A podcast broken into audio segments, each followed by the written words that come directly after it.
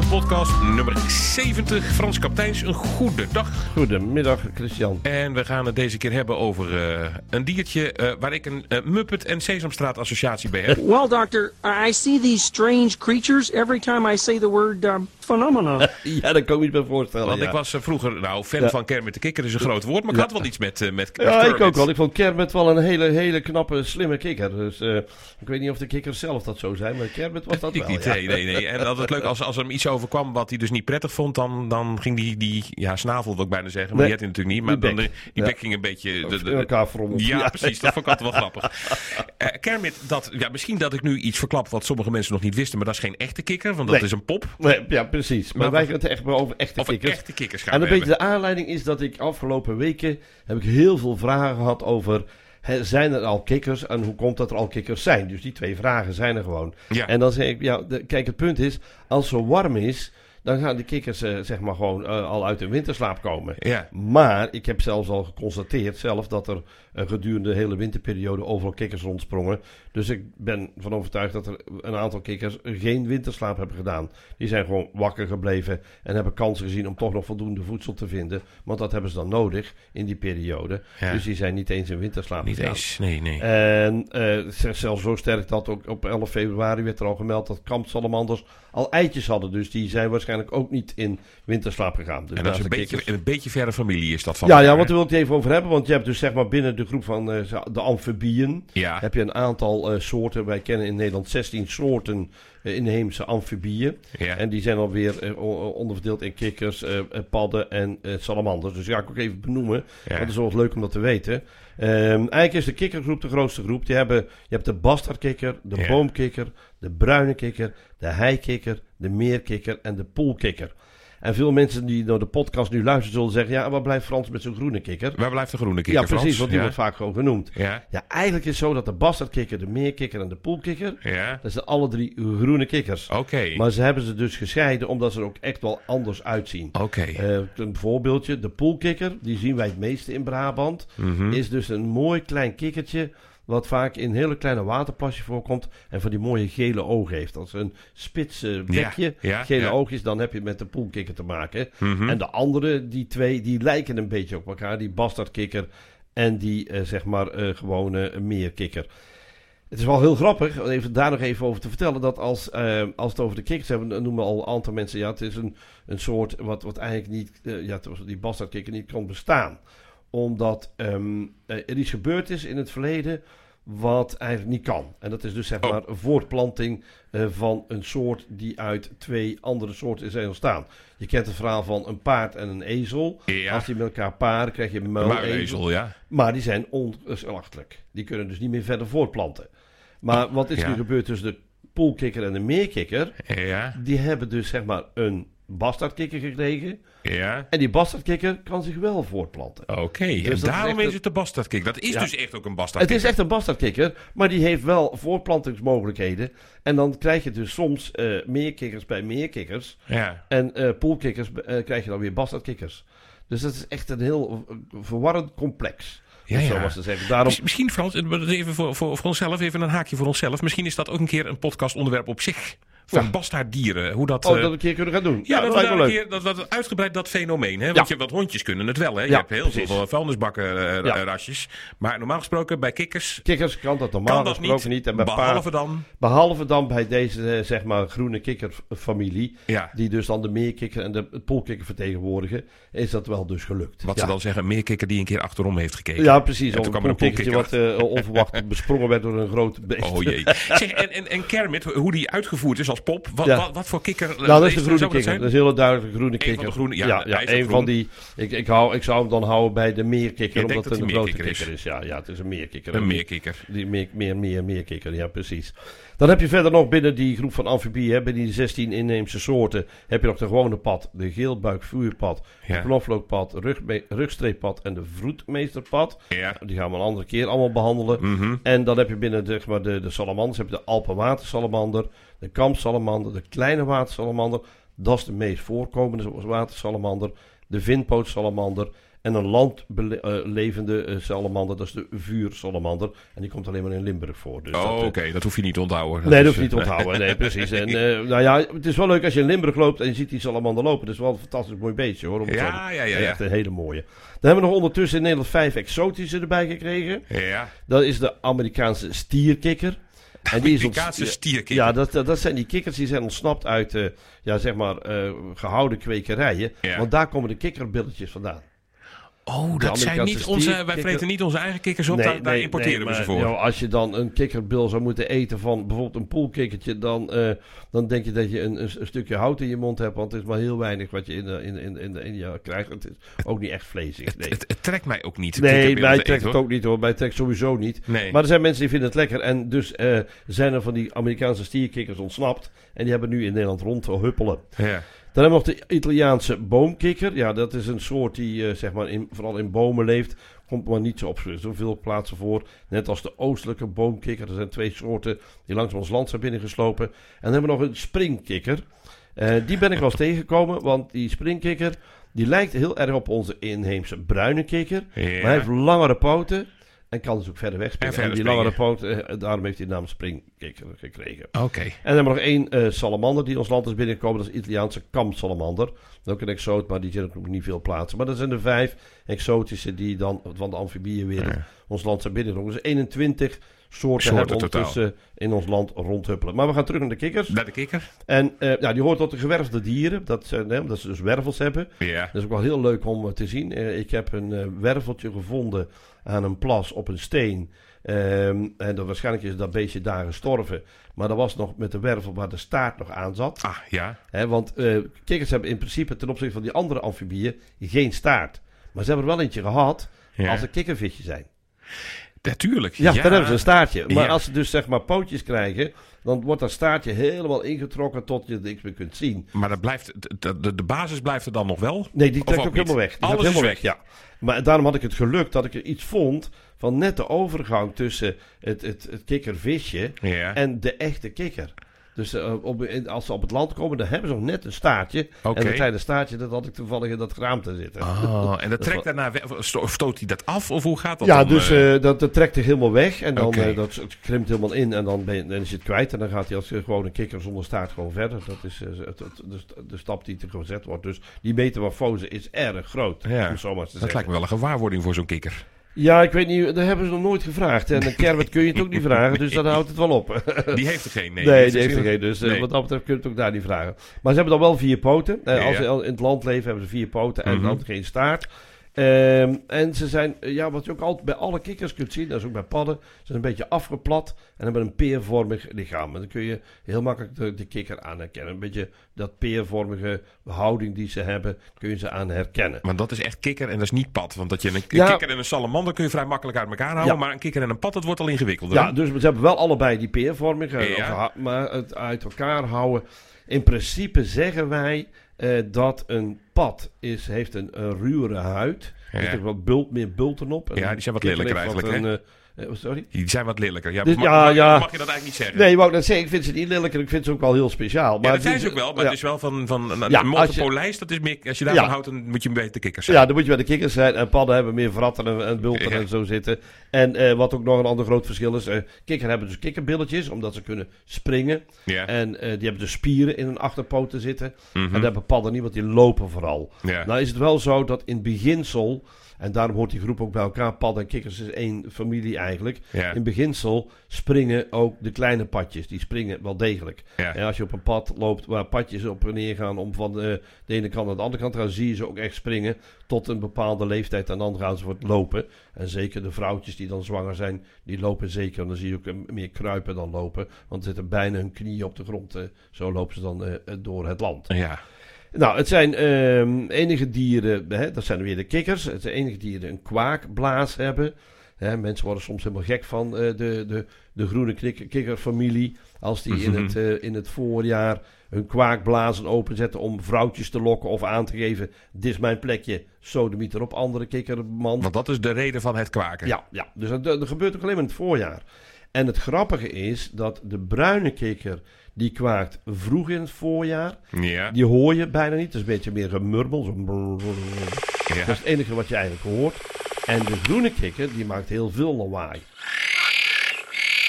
En ook past dat precies in het ritme van de natuur.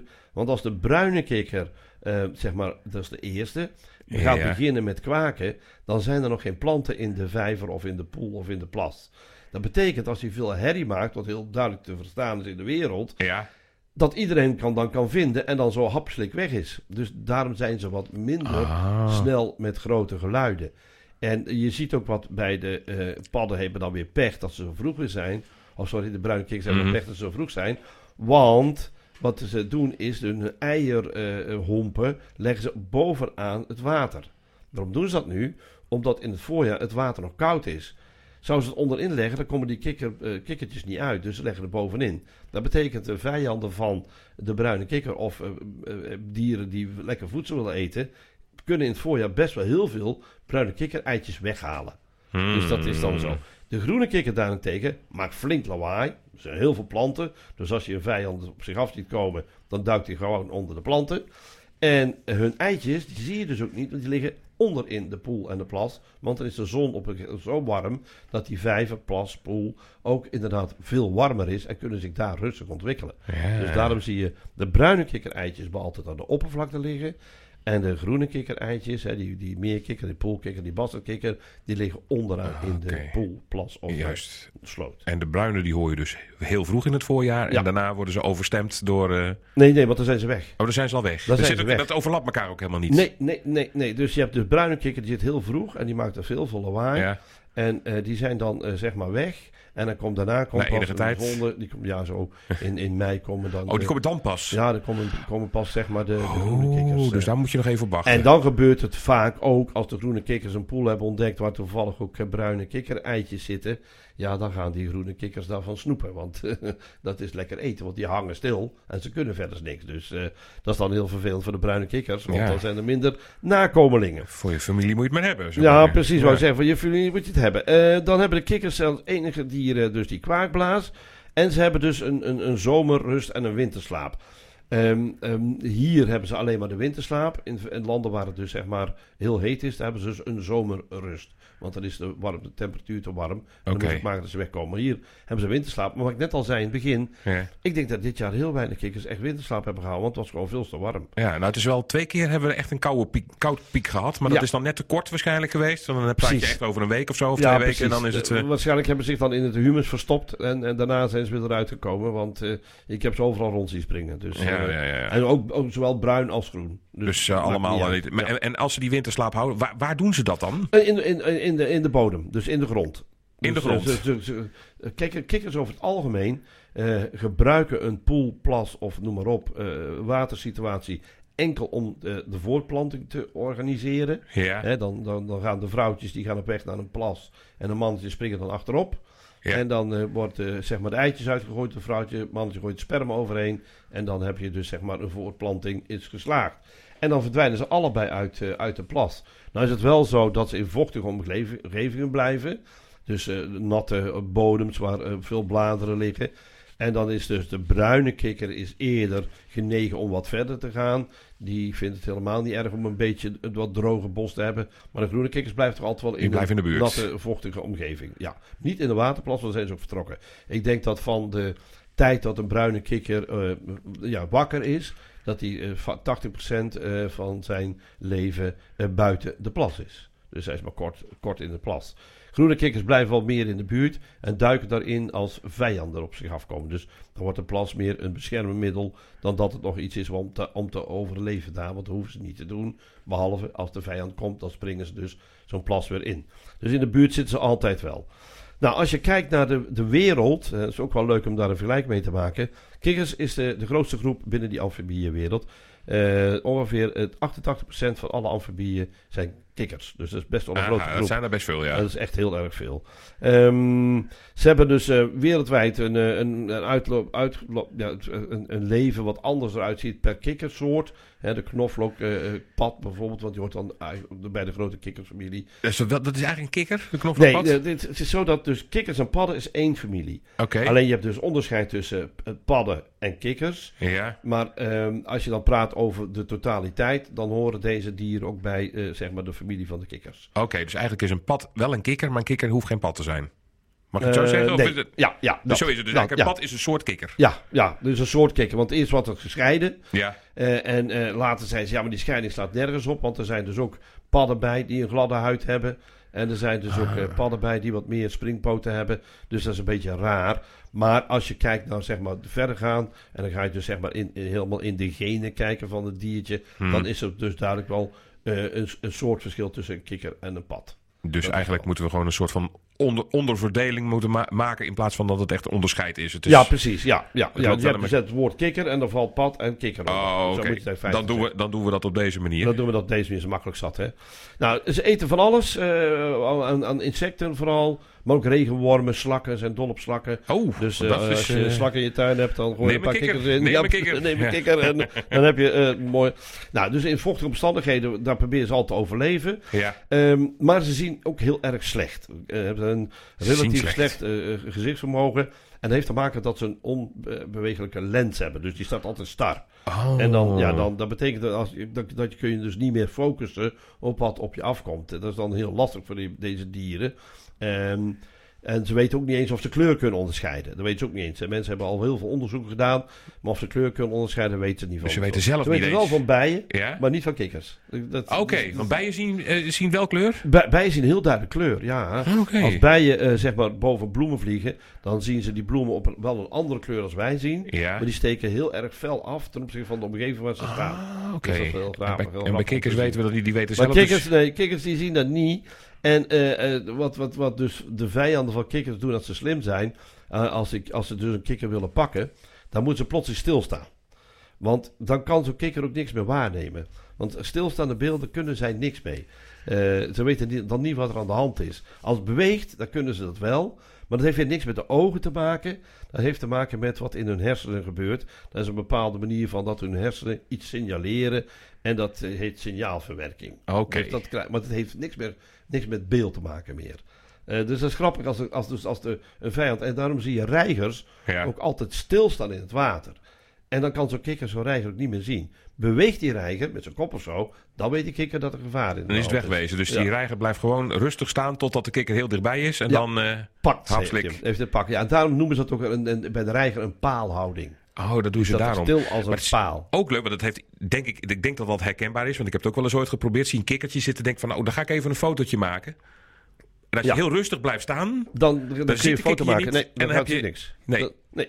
Dat is, dat is fijn om te weten. Ja, dus, want als je achterna probeert te lopen, dan gaat het dus Ja, fout. dan is Want hij weg Dan, dus, is hij, dan, gaat hij, dan hopt hij dus weg. En Dus stil blijven Zeker een staan. springkikker of een, eh, een kikker eh, die kan springen, die, die gaat dan steeds verder weg. Dus Ja. dat is ab- absoluut een feit. Ja, en je hebt net de reiger genoemd als een belangrijke vijand van de Ja. kikker. Wie- vreet er nog meer kikkers? Behalve Nou, wij dan. want wij nou, eh, ja, goed, maar wij eten dan van die stierkikker, maar niet van de gewone kikker. Maar Nee. dus de, de diverse eh, roofdieren, eh, onder andere eh, bunzingen marterachtige verder. Eh, er zijn buizers die ze eten. Kortom, er wordt heel veel veel. kikker- Dus, er wordt echt heel veel kikker gegeten door diverse diersoorten. dus niet alleen vogels, maar het zijn ook, ook, ook zoogdieren die je doen. Ja, ook zoogdieren die het doen. En wat er altijd overblijft als ze een vrouwelijke pad of kikker eten, dan blijft dat sterrenschot over. Dat is die, die eileiders die ze niet kunnen verwerken. Want dat is een.